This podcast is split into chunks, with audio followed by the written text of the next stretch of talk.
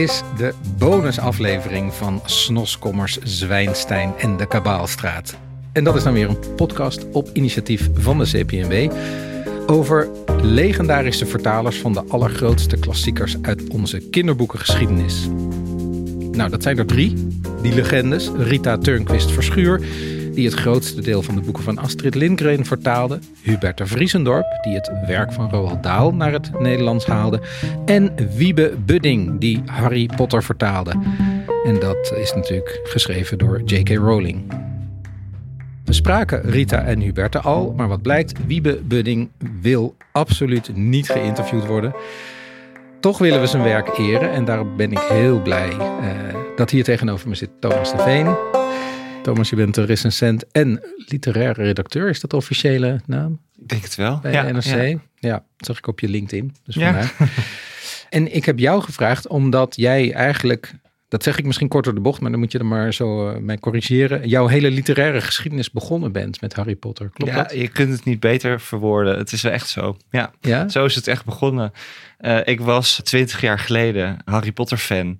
In mijn tienerjaren was dat. Dus ik was uh, 16, 20 jaar geleden. En toen maakte ik een website over Harry Potter websites bestonden net, voor mijn gevoel. Hè. Dat was echt, uh, op internet kon je dus nieuwtjes vinden over Harry Potter, over de films die er gemaakt werden, over de boeken die verschenen, over J.K. Rowling en wat zij allemaal over de boeken zei. En uh, ik maakte een Nederlandse website en nieuwsbrief daarover. Dat was eigenlijk dus mijn eerste journalistieke werk, dat ik op die manier heb aangeleerd. Um, zowel journalistiek als dus over literatuur praten en daar uh, helemaal induiken. Ja, dat is nu mijn werk. Ja. Want ik schrijf over boeken voor de krant. Uh, dus ja, dat, uh, in feite begon dat allemaal met Harry Potter. Ja. Dus jouw literaire journalistieke carrière is begonnen met fanschap. Dan. Ja, zeker. Zo, ja. zo, kun je het helemaal zien. Ja, absoluut. En hoe kan je nog teruggaan naar het moment dat je dacht: hier moet ik dan ook werkelijk iets mee doen? Je had het ook gewoon bij het lezen van de boeken kunnen laten. Ja, maar het was. Ik denk dat het ook gewoon door de mogelijkheden van internet komt. Uh, in die tijd was het gewoon nog echt houd je touwtje internet. En ging je dus op zoek naar nieuwtjes over Harry Potter als je zo'n groot fan was als ik. En die nieuwtjes waren er in het Engels. Want daar was uh, natuurlijk, er zijn veel, veel meer mensen die Engels spreken en Engelse websites maken. En toen dacht ik, ja, maar in Nederland moet je ook een website kunnen vinden waar al die nieuwtjes dan zijn. Dus dat was mijn uh, gat waar ik insprong. Uh, en nu hebben fan. we het over eind jaren negentig, denk ik, hè? Begin jaren nul, ja. Echt letterlijk dus 20 jaar geleden. We zijn nu 2023. Ja. Ik denk dat ik vanaf 1999, 98 zo Harry Potter begon te lezen. En toen uh, op mijn veertiende of zo begon ik die website. En uh, tijdens mijn middelbare schooltijd was ik dus ook altijd nog bezig met het maken van een Harry Potter website. Ja, want het was niet zomaar een website. Hè? Het was enorm uitgebreid. Ja, dat was het. En het werd ook steeds groter. En ik maakte dus een nieuwsbrief eens in de twee weken, waar al die nieuwtjes dan nog eens een keer op een rij stonden. Waar ik ook hele verhalen zelf uh, schreef. Ja, die ging op een gegeven moment naar duizenden mensen. En ja, dat, dat doe je dan maar gewoon. Hè? Maar ja, dat is natuurlijk. Een nieuwsbrief is nu ook een, een volwaardig journalistiek genre. En dat was het toen dus eigenlijk ook al. Ja. Voor mij in ieder geval. En nog even hoe jouw carrière. Vanuit die nieuwsbrief ben je, denk ik, voorzichtig recensent geworden. Ja, klopt. Ja, klopt. Eerst volgens mij bij de Lemnes Kaartkrant ook. Ja, nog. en bij Kidsweek heb ik gewerkt echt als, als recensent. Maar de grap is dus eigenlijk dat mijn publicaties allemaal begonnen zijn met een exclusief interview met Wiebe Budding, de vertaler van Harry Potter. Ja, in 2003 heb je hem geïnterviewd voor de NRC. Dat ook klopt. toen al. Dat was mijn eerste publicatie in de NRC. Oh, wow, echt? Ja, ja. Dus oké, okay, helemaal de juiste man op de juiste plek, althans nu. -hmm. En dat is dus ook best zeldzaam, want hij geeft dus bijna nooit interviews. Toen ook al niet, denk ik. Klopt, ja. ja. Wat zijn jouw herinneringen aan dat, aan dat gesprek? Nou ja, kijk, het was ook iets waar ik extreem zenuwachtig voor was. Want ik was 16 en ik mocht een stuk schrijven voor NRC. En ik mocht het schrijven omdat ik dus een Harry Potter fan was... die de exclusieve toegang tot Wiebe Budding kreeg op dat moment. Dus dat was heel spannend. Maar goed, ik, ik heb dat stuk nog eens uh, uh, erbij gepakt in voorbereiding hiervoor. En uh, toen kwamen er ook allemaal weer herinneringen terug. Dat ik dacht, oh ja, het was midden augustus in de zomer van 2003. Het was snikheet en Wiebe Budding was bezig echt midden in de vertaling van Harry Potter deel 5, De Orde van de Phoenix. En ik uh, ging naar hem toe. Hij woonde in een klein dorpje, echt een piepklein dorpje in de buurt van Gorkum. Werd ik dus door hem van het station in Gorkum opgehaald. En nou, hebben we daar een, eh, een, een, een, tijdje zitten praten in zijn huis over zijn vertaalwerk. En ik had natuurlijk gewoon me goed voorbereid en een lijst vragen gemaakt. Maar hij was ook ja, zo vriendelijk en open om daar volledig uh, in mee te gaan. En hij vond het denk ik ook hartstikke leuk om eens een keer geïnterviewd te worden. Of in ieder geval door een echte Harry Potter fan. Die wel begreep wat er zo goed was en leuk was aan zijn vertalingen. Om daar eens mee te praten. Ja. Dus ik weet, ja, ik weet er vooral nog van dat het gewoon ook een heel prettig en leuk gesprek was met een vriendelijke, goedlachse man. Bescheiden, maar ook ja, echt een, een vriendelijke man. Ja. Hmm. Ja, in, in dat, ik heb het ook gelezen natuurlijk, daar komen hmm. ook al een aantal dingen die hij zegt, uh, ook aan aanleiding van jouw vragen die te maken hebben met zijn vertaalopvatting, komen we denk ik zo op. Maar ik dacht, uh, laten we Budding nog een klein beetje meer introduceren. Ja, Wiebe Bunning is dus zijn naam. Hij is de zoon van de dichter Cees Bunning. Ja. Die we overigens bijna vergeten zijn, ja. denk ik. Ja, maar groot literair. Uh, nou, hij deed heel veel. Hij vertaalde zelf ook. Hij was wel echt Zeker. Van belang. En uh, onsterfelijk in uh, Ik ben de blauwbeelgorgel. Mijn vader was een porgel. Mijn moeder was een porulan. Daar komen vreemde kinderen van. Raban, Raban, Raban. Ja, dat Raban. Ja, nee, daar, daar, die, die, dat horen we nog allemaal door de straten echoen. Ja.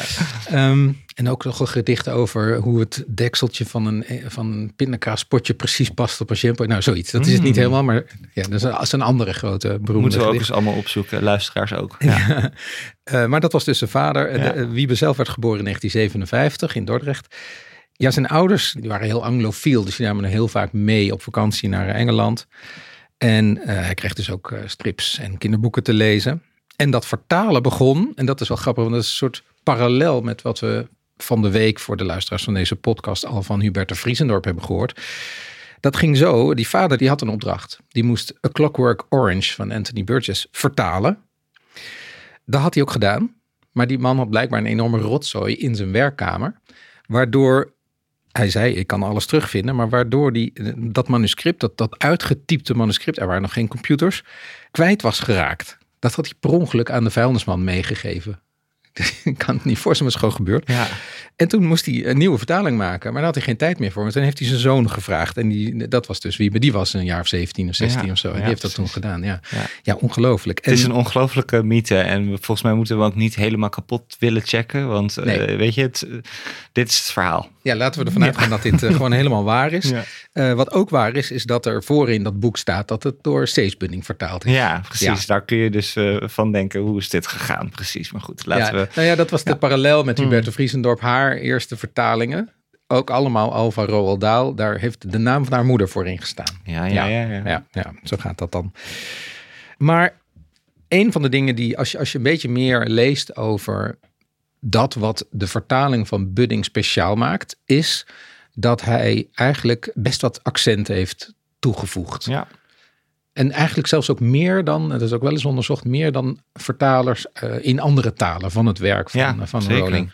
Kun je daar voorbeelden van geven? Ja, het, het meest in het oog springende voorbeeld en het meest basale ook. En ik denk dat dat ook een opening is geweest naar een vrijere omgang met die tekst. Is dat hij dus alle namen, of tenminste een heel groot deel van de namen, vertaald heeft. Dus uh, Hermione Granger heet Hermeline Griffel.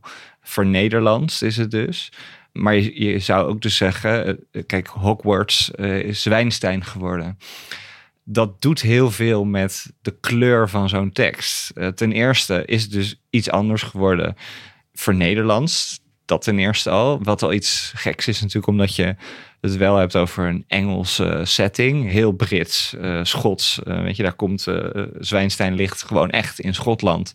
Maar het heet Zwijnstein en het dorpje daarnaast heet Zwijnsveld. Nou ja, goed, daar moeten we het dus gewoon mee doen. Maar dat maakt dus ook meteen dat het iets sprookjesachtiger wordt. Of iets fictiever, zou ik bijna zeggen. Maar wat er vooral in die vertaling van de namen zit, is dat er veel meer een kleur aan wordt gegeven aan die namen die een onvertaalde Engelse naam helemaal niet zou hebben voor een Nederlandse lezer. Uh, Hogwarts, ja, wat zou een Nederlandse lezer daarvan denken? daar zit hog, dus een, een everzwijn in. Maar wie Budding heeft bedacht, ik moet er Zwijnstein van maken. En hij heeft er niet alleen zwijn daar dus uit vertaald, maar hij heeft er ook rijm aan toegevoegd. Zwijnstein. Dat klinkt gewoon veel leuker en sprekender dan, ja, dan wanneer je dat niet zou vertalen. En ik denk dat dat dus uh, heel veel zegt over zijn houding als vertaler. Dat het er echt om gaat dat je als vertaler in de taal waarin je de vertaling maakt, dus in het Nederlands, het beste moet zijn. Een vertaler moet niet heel goed Engels kunnen, maar moet heel goed Nederlands kunnen maken van dat Engels. En daarin uh, zie je dus gewoon dat zijn focus ligt op het Nederlands en op een goede Nederlandse tekst. Het voelt niet als een vertaalde tekst. Nee. Het bijzondere is dat uh, ook weer de aflevering met Huberte Vriesdorp, de vertaalster van Roald Dahl. Die heeft ooit een uh, grote prijs gekregen waarin ze geroemd is om haar vertaalwerk. En er werd gezegd dat zij een heel geweldig kinderboekschrijfster was. Hmm. Dus dat is ook weer de Nederlandse kant van haar werk eigenlijk. Als ze had gewild, had ze ook fantastische kinderboeken zelf kunnen schrijven. Ja, ja. En dat is wel opvallend bij Budding, want hij vertaalde voor dit boek geen kinderliteratuur. Nee, klopt. Ja. en de, uh, hij is gevraagd omdat hij de boeken van uh, Tom Sharp, waar veel woordspelingen in voorkwamen, had vertaald. Ja, dan, dan denk je dus ook veel woordspelingen. Maar het is niet alleen woordspelingen, maar het zijn ook nog eens heel uh, seksueel geladen woordspelingen vaak. Of heel scabreus is dat, Tom Sharp. Dat is echt humor, niet op de allerverfijndste manier, zeg maar. Heel Brits wel, hè? want daar gaat het natuurlijk ook over wat er allemaal niet, niet mag in de samenleving. En nou ja, al dat soort ironische ondertoon, wat heel Brits is natuurlijk dat is denk ik ook een toon die je heel goed in Buddings stem kunt horen. Ja. Nog even voor die, die keuze van het wel vertalen van de namen. er, mhm. er, was eerst een versie van Budding waar die de namen niet vertaald had. Ja. En daar, daar zei hij uh, in jouw interview over. Aanvankelijk had ik alle Engelse namen en begrippen van Rowling ongewijzigd overgenomen, maar een groot deel van de humor ging daardoor verloren. Dus we besloten om de namen, en nu is het interessant, te vernederlandsen, oké en grappiger te maken, zegt hij. En dat is ook echt, eh, als je alle vergelijkingen ziet, dat is echt wat hij heeft toegevoegd. Hij heeft, uh, nou, je noemde al even de vertaling van de achternaam van Hermelien. Ja, precies. Granger is eigenlijk een redelijk gewone naam in het Engels. Griffel is niet een gewone naam in het Nederlands. Zeker niet. Dus bij Hogwarts, wat je net als het andere voorbeeld, daar snap ik het wel. Want hè, je zou kunnen zeggen, de, de, grappige vergelijken met iets wat met varkens te maken heeft of met zwijnen te maken heeft, dat kunnen wij niet vatten als we Hogwarts blijven lezen. Dus dan hebben we niet die leeservaring die een Engels kind heeft. Dus oké, dat, dat geeft Zwijnstein wel. Natuurlijk heeft hij de rijm aan toegevoegd. Maar van Granger griffel maken, ja, dat, is, dat is echt iets anders. Ja, klopt. En daar wordt het ook een soort van wat kinderboekiger van. Hè? Uh, uh, waarom zou je Hermelien Griffel noemen? Hermelien is trouwens ook een naam die helemaal niet bestaat. Die heeft hij gewoon bedacht. In feite, er heet niemand Hermelien. Trouwens ben ik wel heel benieuwd of er in de afgelopen 25 jaar Hermelienen geboren zijn. Ja, vast, dat vast, zal toch zeker. Ja, laten we alsjeblieft oproepen om zich te melden bij, bij, de, bij deze podcast. Ja krijgen ze een, een pluim. Ja. Uh, maar bijvoorbeeld dus ook haar achternaam. Ja, een team met een griffel. Ze is een ontzettende bolleboos en uh, slim. En nou ja, daar zit natuurlijk de herkomst van haar naam in. Dus het zegt heel vaak iets over het karakter van de personen. Uh, om nog een voorbeeld te noemen, professor Trelawney professor Zwamdrift is dat geworden. En waarom heet ze zo? Omdat ze waarzeggerij geeft. En omdat ze dus een zekere drift tot zwammen, tot kletsen, tot onzin praten heeft. Ja, daar zit veel meer in. Ja, maar dat zit helemaal niet in, in Trelawney. Nee, het zit helemaal niet in Trelawney. Nee. Uh, de, de echte mensen die, uh, die vertalen, studeren en die daar verstand van hebben, die noemen dat sprekende namen. Ik, ik lees even een klein stukje uit uh, een filterartikel. Filter is een tijdschrift over vertalen. het artikel van Kees Koster, die zegt... De norm is dat eigennamen niet worden vertaald, behalve als het om zogeheten sprekende namen gaat. Namen die iets over de persoon zeggen die haar draagt. En dan zegt hij: Een studie heb ik er niet van gemaakt, maar het lijkt mij dat juist in kinder- en jeugdboeken het aandeel sprekende namen groter zal zijn dan in volwassen literatuur. En daarmee allicht ook de tolerantie voor het vertalen van die namen. Ook al omdat het publiek er meer behoefte aan heeft. Vertaler Wiebe Budding bereikt daarin, zegt hij dan, grote hoogte. Bij hem is er altijd sprake van een sprekende naam waarmee een van de eigenschappen van het betreffende personage wordt uitvergroot. De namen die in bovenstaande beschrijvingen, dat staat dan verder in het artikel, voorkomen, mogen als illustratie dienen. En dan noemt hij bijvoorbeeld ook nog McGonagall, is ook een andere professor. Ja, McGonagall, sorry. De connotatie daar in het Engels is misschien van, oh ja, een gewone naam, gewoon een provinciale-achtige naam. En in het Nederlands wordt het professor Anderling. Wat er ook echt iets heel, heel anders is. Waardoor het echt het anders zijn, het specifiek zijn, wordt uh, gespecificeerd. Ja, plus ze is uh, leraar gedaanteverwisseling. Hè? En de eerste manier waarop we kennis met haar maken is dat ze dus als kat in gedaante van een kat op het stoepje van de familie Duffeling zit. Overigens, familie Dursley.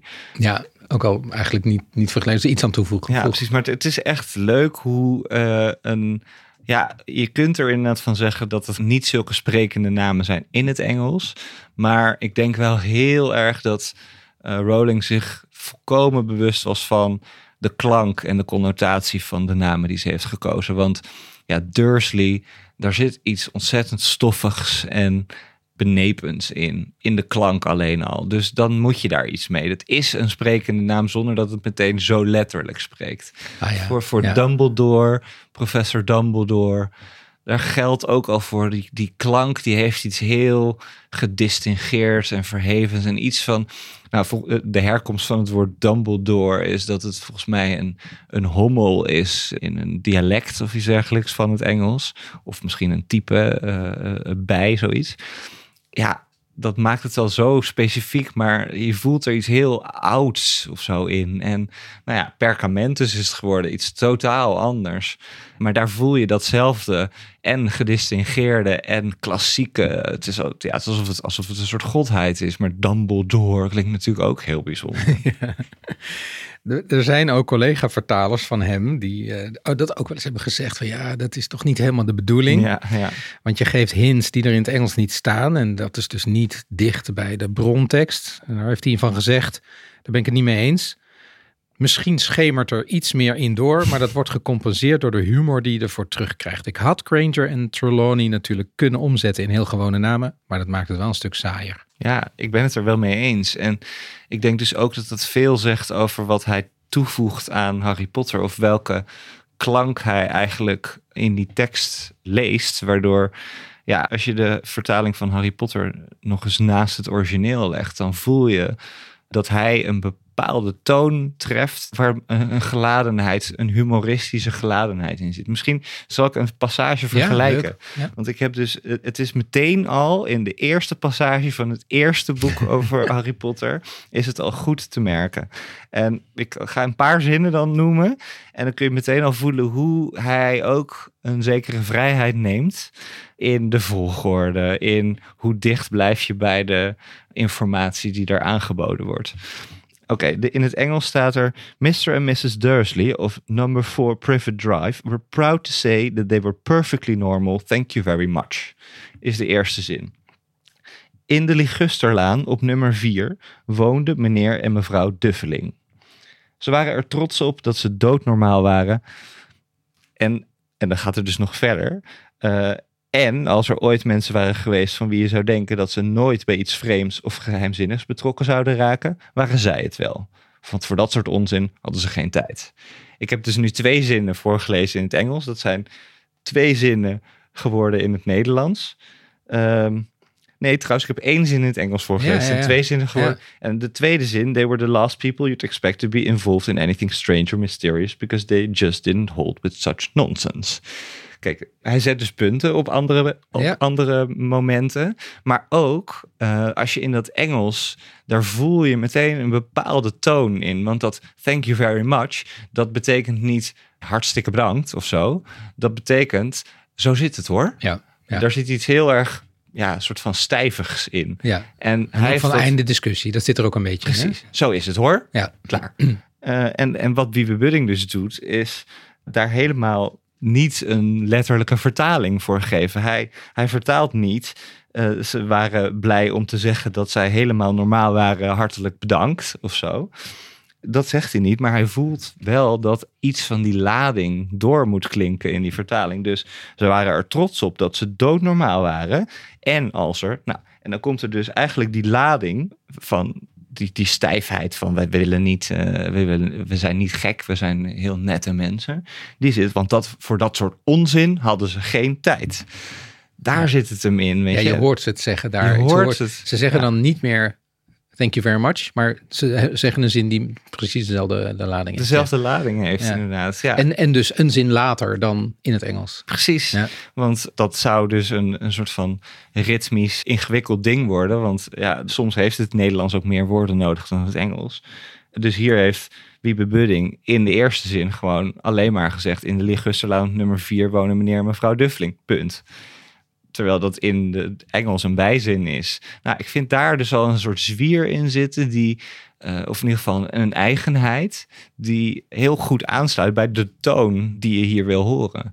En daardoor denk ik ook, uh, want het is natuurlijk een, een lading of een, een bijklank in het Engels, die ook een zekere humor heeft. Want je voelt dat er een verteller dicht bij de personages zit en niet per se alleen maar een objectieve verteller is, want dan zou er nooit thank you very much uh, bij staan. Dan had er gewoon gestaan, ze waren heel normale mensen, punt. Maar dat moet je dus ergens in laten doorklinken en dat ja, dat zit volgens mij heel erg in deze. Wat een durf ook eigenlijk. Goed, hè? Ja. Ik vond het eigenlijk heel verrassend om dit op deze manier naast elkaar te leggen. In de eerste zin echt meteen al. Ja. En dan in de tweede zin, dat is dus het, of de, de tweede alinea, dan gaat het dus over meneer Duffling, die was directeur van Drillings, een boormachinefabriek. En dat heet in het Engels a firm called Grunnings, which made drills. Ja, en daar drillings van grunnings maken is ook nog weer iets heel anders. Ja. Maar je voelt wel dat het een boormachinefabriek is. Ja. ja, dus dat is precies de, de ingehouden of ingetogen humor die Wiebe Budding echt wel kan overbrengen. Ja. En de grap is ook wel, ik herinner me ook wel hem als zo'n persoon. Het is iemand vol humor, uh, zonder dat hij een grap zal vertellen met een schaterlach tot gevoel. Het is meer iemand met pretoogjes dan met een schaterlach. Engelse humor eigenlijk dan. Precies, dat is het Engelse inderdaad. En dat, dat is het gevoel voor dat Engels wat hij toch dus ook heel goed kan overbrengen in het Nederlands. En daardoor wijst zijn vertaling ook op de humor die Rowling in haar tekst heeft gestopt. En ja, ik denk dat zo'n verteltoon Kijk, heel veel mensen kennen Harry Potter nu van de films. En dan is het toch een, ja, een heel ander soort manier. Want je ziet de dingen. Dus je moet het zelf. Je moet uit wat je ziet, moet je de, de bijklanken van hoe die mensen zijn en wat voor types ze zijn, moet je er zelf uithalen. Maar in zo'n tekst als die van Rowling zit ook heel veel bijklank. En ja, dat, dat zou je bijna vergeten. Maar in deze tekst van Wiebe Budding, deze vertaling. Voel je meteen. Ik vind het ook spreken in het voordeel eigenlijk van de uitgever van Jacco Groot. Dat was de uitgever van, uh, van de Harmonie. Ja.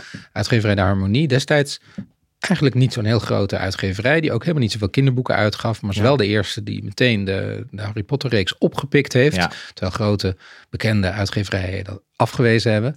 Uh, dus niet alleen dat. Dus hij heeft het opgepikt. Maar hij heeft ook bedacht. Hier moet een vertaler op die we eigenlijk van volwassen werk kennen. Ja, ja. En Goeie die, keus dus. Ja, en die dus uh, want wat zijn zijn verdiensten? Uh, is dat hij dus heel goed die Britse humor beheerst en ook voelt en daardoor ook in het Nederlands kan overbrengen. Maar ook ja, iemand die met taal kan spelen. Uh, weet je, het is natuurlijk voor een vertaler echt het belangrijkste om een goede Nederlandse tekst te maken. En wat heel veel mensen tegenwoordig in vertalingen stoort, denk ik, is dat je erin kunt voelen dat het een vertaling is of een vertaalde tekst is. En daarom mensen denk ik lezen liever zoals het echt geschreven is. Hè? Dan, want dan voel je de, de vertaling niet. En ja, dat zie je in deze tekst ook. Dat het aan de ene kant heel erg Nederlands voelt, als echt Nederlandse lopende zinnen met ritmes die uh, uh, Nederlands klinken en mhm. niet Engels. En tegelijkertijd heel Brits. Nou ja, dat is heel bijzonder. Uh, het gekke is dat als hij had vertaald inderdaad, uh, uh, dankjewel. Mm Dan en hadden we die Engelse zin erachter gehoord in hè, zeker als je Engels kent. Uh, maar ook, hoewel het lijkt dat het dichter bij Rolling zit, hadden we minder Rolling meegekregen. Precies dat is het. Ja, Dus die vrijheid staat echt wel in dienst van de tekst van Rolling. Ja. Laten we nog een uh, aantal, soms wat kleinere dingen, nog wat voorbeelden eigenlijk van zijn uh, brieën. Mhm. Nou, één, dit is niet per se brieën, maar wat grappig is, is dat hij een neiging heeft om woorden of om namen naar het Latijn te trekken. Dus bijvoorbeeld Malfoy, ja. wat eigenlijk meer Frans is. Hè? Dus ja. Rowling ontleent haar zoektocht naar een, een bijzondere naam aan het Frans of de half Franse kennis die ze heeft. En dat wordt een Malfidus. Ja, ja, ja. Ja, dat doet hij een aantal keren in. Perkamentus heb je ook weer. Ja, ja. En we moeten het ook over, uh, over zwerkbal hebben, over Quidditch. In het Engels heet dat dus Quidditch, zwerkbal. Dat is een samentrekking, ik heb het allemaal opgezocht natuurlijk, hè, van Quidditas of Quiddity. En dat is eigenlijk een soort Engelse filosofische term voor essentie de watheid van de dingen. Oh. Ja, nou, ja. je vertelt me ook nieuwe dingen. Nou, heel goed, heel goed. En, en van ditch, greppel of sloot. Ja, die twee dingen, daar zit niet per se een bedoeling achter. Wat, wat zou een sloot met de essentie van dingen te maken? En wat heeft dat dan weer met, met, met deze sport te maken? Ja, ja. Dus eigenlijk denken we dat het op de klank is gekozen. Vermoeden we dan. Hè? Dus niet dat uh, Rowling heeft gedacht, nou ik ga nu even de watheid van de dingen verbinden met de greppelheid van de dingen. Hmm. Maar bij de Nederlandse term, zwerkbal, daar zie je wel meteen iets van dat spel in. Ja. Dus dat is, dat is uh, ook daar heeft hij een, een klein uh, accent, uh, accentverschuiving aangebracht. Ja, en tegelijkertijd denk ik dus ook, hij heeft, hij heeft gedacht, hoe, hoe heet de Nederlandse sporten? Ja. Voetbal bijvoorbeeld, of handbal. Um, terwijl, hoe heet de Engelse sporten? cricket en rugby. Het zijn net zulke gekke woorden als Quidditch. Ja, in ja, die, ja. In die uh, precies, ja. uh, hoek zoek ik het een beetje. Dus het klinkt als iets heel Brits als je Quidditch zegt of rugby of cricket. Met hele rare ouderwetse regels. Dat hebben ook al die sporten. Hè? Dat zijn, en dat hebben de Britten überhaupt met uh, hun, hun, ponden en shillings die ze ooit nog eens hadden. Weet je wel? Dat zijn heel rare tellingen. Ja. Dus daar zit al meteen wat in. Maar ja, zwerkbal, daar klinkt dus inderdaad in door. Het is een sport, maar er zit dus ook nog een, een iets heel ouderwets klassiekers in. Want zwerk, ja, wat, dat is een ontzettend gek woord. Behalve dan dat we het alleen nog maar kennen als een soort ja, hoogdravende, pompeuze woord voor de lucht. Ja, het ja. zwerk. Ja. Je kunt het alleen Ja. nog maar in een soort romantisch gedicht voorstellen. Behalve uh, je- in het dagelijks leven zul je weinig zeggen... ach, wat staat de zon weer heerlijk aan het zwerk. En zwerk, nee, dat zeggen we niet zo vaak. Maar toch, het geeft daardoor, door, door dat zwerk, waar we nog een klein beetje de nabetekenis van voelen. We, we zien er iets van blauwe lucht Ja, bij als je ja. dat hoort. Geeft Ja. natuurlijk ook wel echt een inhoudelijke Klopt. reden voor de keuze. Ja, Eh, laten we. ehm, daar heb je het in je artikel toen ook over gehad, want dat had hij net in deel 4 vertaald. Ja, de Draft of Peace. Ja. Oh nee, het staat trouwens in het vijfde boek, sorry. Ja. Ja, dat gaat over het schoolvak toverdranken. Ja. Brouwsels. De, Harry Potter is daar slecht in. En hij moet de Draft of Peace maken. Maar gaat mis. Er komt geen eh, zilveren damp vanaf. En daardoor wordt dat een, een, een, een, drank met een hele andere werking. Wie er een slok van neemt, verzinkt in een diepe en soms onomkeerbare slaap. Eh, slaap. Ja, do- docent Snape. Die trouwens in het Engels wel gewoon Snape heet Ja. ook. Ja. Die is eh, heel kwaad. Maar dat is trouwens ook, hè, Snape. Klinkt meteen al als een Nederlands woord in Ja. feite. Dus. En je voelt ook meteen het snerende en het benepenen van, van Snape in Snape. Ja. dus, Ja. Nou, enfin. Maar goed, er moest dus een naam verzonnen worden voor de Draft of Peace. Ja. Nou, en dan zegt eh, Budding, ja, eerst had ik de term kalmeringscocktail. Ja, ja, dat klinkt natuurlijk niet echt heel fijn. En eh, weet jij nog wat hij ervan gemaakt heeft? Nou, ik heb het toevallig eh, eh, ook, het teruggelezen. stuk Ja, ja, ja, gelezen, dus ik weet het nu weer. Maar ik was ook wel onder de indruk van zijn oplossing, namelijk flegma flip. Flegma flip, ja. Maar ook al dat flip, wat dan een vla flip doet denken inderdaad. Cocktail, flip. Maar ja, dat is toch een wat populairder woord. Nou, maar dus ja, het is echt een gelaagd woord. Want flegmatisch is natuurlijk dat je, nou ja, dat, dat je aan de ene kant soort van ontspannen kan zijn, maar het kan ook alle kanten op. En flip zit, wat er dus misgaat met die drank, zit daar ook weer Ja. zit daarin. Want nou ja, niet een kalmeringsdrank, maar of een draft of peace, maar het is een extreme slaapdrank als je er iets verkeerd aan doet. Dus als je iets laat flippen, Iets laat dan om, ja. wordt het meteen iets verschrikkelijks. Ja. Dus Ja, dus dubbele, dus en eh, refererend aan vla flip Precies. en refererend aan iets flippen. Ja. ja. En dan ook nog die, eh, die alliteratie, wat hij trouwens heel vaak doet. Heel hè? vaak. Ja, Ja, veel meer dan, eh, dan Rowling ook, ja. Ja, maar ook, ook weer niet per se. Want dat had ik dus ook nog op die eerste bladzijde van het eerste boek Oh ja, gezien. ja. Dat ik dacht, ja, dat, dat als meneer Duffeling dan beschreven wordt, dan staat er: He was a big beefy man. En daar heeft hij Budding dan van gemaakt. Hij was groot en gezet. Oh, ja. En er zitten twee G's in. Dus die heerlijke alliteratie van Rowling, die eigenlijk soepel gewoon door de tekst heen gaat, maar waar het wel een hele klinkende tekst van wordt en waar je ook meteen big and beefy, uh, die zit groot en gezet. Ja, er zit hetzelfde gevoel in wat mij betreft. Ja, ja, ja, wat goed. Ja. Weet jij, uh, dat was niet uit jouw interview, daarom vraag ik het maar. Hmm. Ehm, weet je waar die het langst op heeft zitten puzzelen, volgens wat hij dan zegt? Oh, nou, dat weet ik niet meer. Nee. Nou, dat is ook wel uh, vrij logisch. Dat is het anagram van mijn naam is Voldemort. Ja. Ja, in het Nederlands is dat Martin Asmodon Vilijn. Ja. Ja, dat is natuurlijk ook heel erg ingewikkeld. Ja, maar uh, nou ja, dat is hem, is hem gelukt. Tom Marvolo Riddle. Oh, je weet hem wel in het ja, Engels. Dat ja, dat is in het Engels. Ja. maar het komt natuurlijk gewoon omdat mijn naam is of ik ben. I am Voldemort. Of uh, dat, dat wordt natuurlijk gewoon heel ingewikkeld. Nou, ja, Martin nou Vilijn. Maar ja, dat, daar zit dus ook al wat in. Hè? Want misschien heeft hij wel eerder de naam Martin Vilijn moeten bedenken. En zit daar, ja, in Vilijn past in zijn genre van we moeten iets meer kunnen zeggen dan. Ja. Uh, wat zit er? Ja, precies, dan, de sprekende naam. Tom Riddle. Nou, Tom Riddle is natuurlijk ook al grappig. Het is en een heel simpele naam. Maar iets Riddle is een raadsel. Dus er zit ook een, dubbele bodem in die naam. Ja. Nou ja, en dat Asmodon, ja. Uh, dat is niet alleen maar de letters die hij over had, maar daar zit toch ook wel iets wat refereert aan uh, grote schurken uit de, nou, de klassieke geschiedenis of zo. Ja. Ja, ja, ja, dus wat je net zei ook, hij neigt naar het Latijn of, uh, of naar iets klassieks om die tovenaarswereld ook een soort van geschiedenis te geven, zou je kunnen zeggen. Dat, dat is natuurlijk ook iets wat in die mythologie van de tovenaarswereld zit. Dat ja, dat, er, uh, dat het de lange lijnen van, van verborgen tovenaarsclans, zeg maar, zijn. Nog een, een, laatste voorbeeld, en het is ook wel een interessant voorbeeld, um, over een figuur die heel erg belangrijk is in de hele serie, Sirius Black. Mm -hmm. Die heet in Nederland gewoon Sirius Zwart. Met een Zwart. S. Ja, Want hij had ook gewoon Sirius Zwart kunnen heten. ja, ja. Dat is nog een beetje een raadsel. Heeft hij ook ja, dat heeft niemand hem ooit gevraagd. Kunnen wij ook niet vragen. Waarom die S eraan vast? Want dat had best gekund, Sirius Zwart. Weet je, dat is ook een naam in het Nederlands. ja, Ja, Zwart. Misschien vond hij dat net even mooier klinken. ik denk het, ja. Ik vind het ook wel eigenlijk net mooier klinken. Het heeft, Zwart. iets, Ja, het heeft iets klassieks ook. ja, maar Zwart heeft wel, het is misschien iets dreigender dan Zwarts. Ja, Ik weet het niet zo goed. zwart. Maar ehm Het heeft iets met Schwarz of zo, weet je wel? Dat, dat, Zwart, ja, dat, dat Duitse, Duits. Duitse Ah, oké. Schwarzwald, eh, dat, dat soort zo'n klank. Oh, misschien En wat dat, dat, betreft vind ik het ook wel... Nou ja, dit is natuurlijk echt allemaal wat we er zelf in leggen. Zoals het met goede literatuur is. Dan kun je zelf je betekenis Ja, ja, ja. aangeven.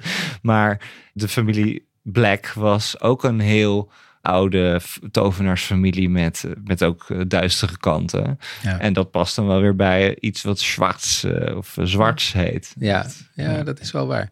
Hij heeft er trouwens wel van gezegd, als ik had geweten dat die, Sirius Zwart later zo belangrijk werd, Ja. had ik hem misschien anders genoemd. Ja. Maar wat dat dan op anderen dan zou zijn, dat. eh, Nou, en dat is natuurlijk ook wel iets heel bijzonders. Dat niemand wist wat er met Harry Potter zou gaan gebeuren. Nee, nee. En het eerste boek is natuurlijk veel meer een kinderboek dan het zevende boek. Eh, die boeken zijn echt meegegroeid met de leeftijd van de personages. En dus ook met die van de lezer. En dus ook met de complexiteit van hoe het boek in elkaar zit. En en de morele complexiteit en zo. En er is dus in eerste instantie voor gekozen om het, ja, wat ik net al zei, wat ik noem- noemde kinderboekiger te vertalen. En dat moest doorgezet worden tot in het zevende boek. En dat dat volgehouden kan worden zonder dat mensen op een gegeven moment hebben gedacht, ja, Hermelien Griffel, dat past toch eigenlijk niet meer. Het is toch te kinderboekig. Daar heeft hij ook goed voor gewaakt door er dus toch iets in te zien dat ook een volwassen klank moet kunnen hebben. En de familie Duffeling, ja, dat blijft een sprekende naam die tot in het zevende boek niet te kinderachtig is geworden. Ik vind Ja. dat er heel bijzonder aan eigenlijk. Ik vind dat echt eh, van een feilloos gevoel voor die tekst getuigen. Ja, precies. Ja. Ja. Als we eh, gaan, gaan een beetje afronden, maar als we terugkijken naar alles wat Potter ons gebracht heeft. Het is lastig, maar we moeten hier natuurlijk toch ook even dat veel mensen nu anders kijken naar Rowling. Ja. eh, Door eh, opmerkingen die ze heeft gemaakt. Maar goed, als we dat even terzijde leggen en als we alleen kijken naar wat de invloed is geweest van deze serie. En van de populariteit daarvan. En dus in het verlengde daarvan ook van de vertaling van Ja. Budding. Hoe zie jij die nu op, op, op de literatuur of op de kinderliteratuur? Uh, nou, ik denk dat er dat, er, eh, dat het van een ongeëvenaarde invloed is. Alleen al door de grootte en rijkwijde die Harry Potter natuurlijk gehad heeft. Ik vind altijd het interessantste is ja, dat ik ook meegegroeid ben met Harry Potter. Ik, ik begon het te lezen toen ik uh, nou 12 of 13 was. En het laatste boek verscheen toen ik uh, nou, misschien begin 20 was. Um, dat geldt natuurlijk voor heel veel mensen die meegelezen hebben dat ze dus meegegroeid zijn met de boeken. En dat er dus ook een volwassenwording heeft plaatsgevonden tijdens het lezen van die afleveringen van dit ene hele grote verhaal. En ik denk ook dat dat zich, dat dat weerspiegeld wordt in de tekst uh, die moreel complexer wordt. Waar het heel duidelijk gaat over goed en kwaad in het eerste deel, is het in het laatste deel één grote grijstint daartussenin. Personages blijken anders in elkaar te zitten of blijken voorgeschiedenissen te hebben, waardoor je empathischer kunt zijn voor de keuzes die zij maken of de, de houding die ze hebben of het kwaad dat zij zijn uh, geworden. Um, dat zo gaat het bij Voldemort al. Dat was ooit een jongetje dat niet gezien werd en is daardoor slecht geworden. Dus ook, weet je, dat soort menselijkheid, dus rijkheid van begrip voor mensen die een bepaalde levenswandel hebben en daardoor op een bepaald punt aanbeland zijn. En toch ook de moed die het vergt om het goede te doen. Dus uh, Harry Potter die wordt ook volwassen en die weet dat hij een opdracht heeft, dat hij uitverkoren is om het kwaad te bestrijden. Maar dat gaat ook niet vanzelf. Dus iemand die het kwade doet, die is nooit zo geboren. Die is nooit volledig slecht geboren, maar die is dat gaandeweg geworden. En iemand die geboren is als degene die het goede moet doen, moet dat uiteindelijk nog wel doen. En dat kost ook tijd, moeite. Uh, ik denk dat al dat soort noties, dat die ook een teken van volwassenwording zijn. De, je leert zien hoe de wereld werkt of hoe mensen in elkaar zitten en wat er meer is dan uh, zwart-wit. Ik denk dat dat een, een les is die de generatie die opgegroeid is met Harry Potter meedraagt door die serie. Ja, en dan zijn er natuurlijk nog veel meer. In de kinderliteratuur is er geen gelijke gekomen na Harry Potter. Uh, het heeft ook heel veel voor fancultuur gedaan, bijvoorbeeld. Het is ook nog iets wat ik heel interessant vind altijd. Wij het ontstaan van een wijdverbreide fanfictie bijvoorbeeld. Fanfictie, maar ook dus echt fancultuur in de zin dat ja, er waren gewoon heel veel mensen die zich identificeerden met Harry Potter. Uh, die op die manier zich gezien voelden of gekend voelden door Harry Potter. En daarom is het feit dat Rowling uh, onverdraagzaamheid tegenover bepaalde uh, gedachten heeft ook heel erg tegengevallen. Omdat zij toch altijd iemand was die de ruimte juist maakt voor verschillende mensen met verschillende opvattingen, achtergronden. Ja. Nou ja, enfin, nou ja dat... en dat, dat haar, dat gaat over de films, maar dat haar hoofdrolspelers afstand hebben moeten doen van haar, of vinden dat ze dat hebben moeten doen. En, ja. en dat ook volgehouden hebben, is dat is toch ook een teken dat ze nou, haar personages ook een beetje verraden heeft. Ja, en tegelijkertijd denk ik dus ook dat er in de boeken meer diepte te vinden is dan, um, dan je zou verwachten van iemand die zo rechtlijnig kan oordelen. Ja, ja. En dat zie ik dus ook wel in hoe, om het eigenlijk weer terug te brengen naar de vertaling, hoe een toon vol lading kan zitten en daar echt iets mee kan geven. Namelijk, dit is niet een verhaal dat recht toe recht aan verteld wordt, maar er zit de hele tijd humor en plezier in. En ik denk dat dat ook een ja, dat dat nog steeds zo overeind staat in de manier waarop het dus vertaald is. En dat we, als je Harry Potter gaat lezen, dat je er ook in voelt, wat is het een warme wereld, waar met, niet met een, een veroordelende, uh, strenge blik wordt gekeken naar mensen, maar waarin altijd een soort lading zit. Van ja, er, zo zijn mensen en we hoeven het niet allemaal heel serieus te nemen. Al gaat het maar over over mensen die Gladianus Smalhart heten of professor Zwamdrift. Weet je, het zijn allemaal mensen, maar er zit allemaal humor in, uh, in de wereld om te zien. Ik denk dat dat dus wel meevalt als je nu Harry Potter nog leest en weet met welke zwaarte van sinds het verschenen is, die boeken opgeladen zijn door de persoon van Rowling.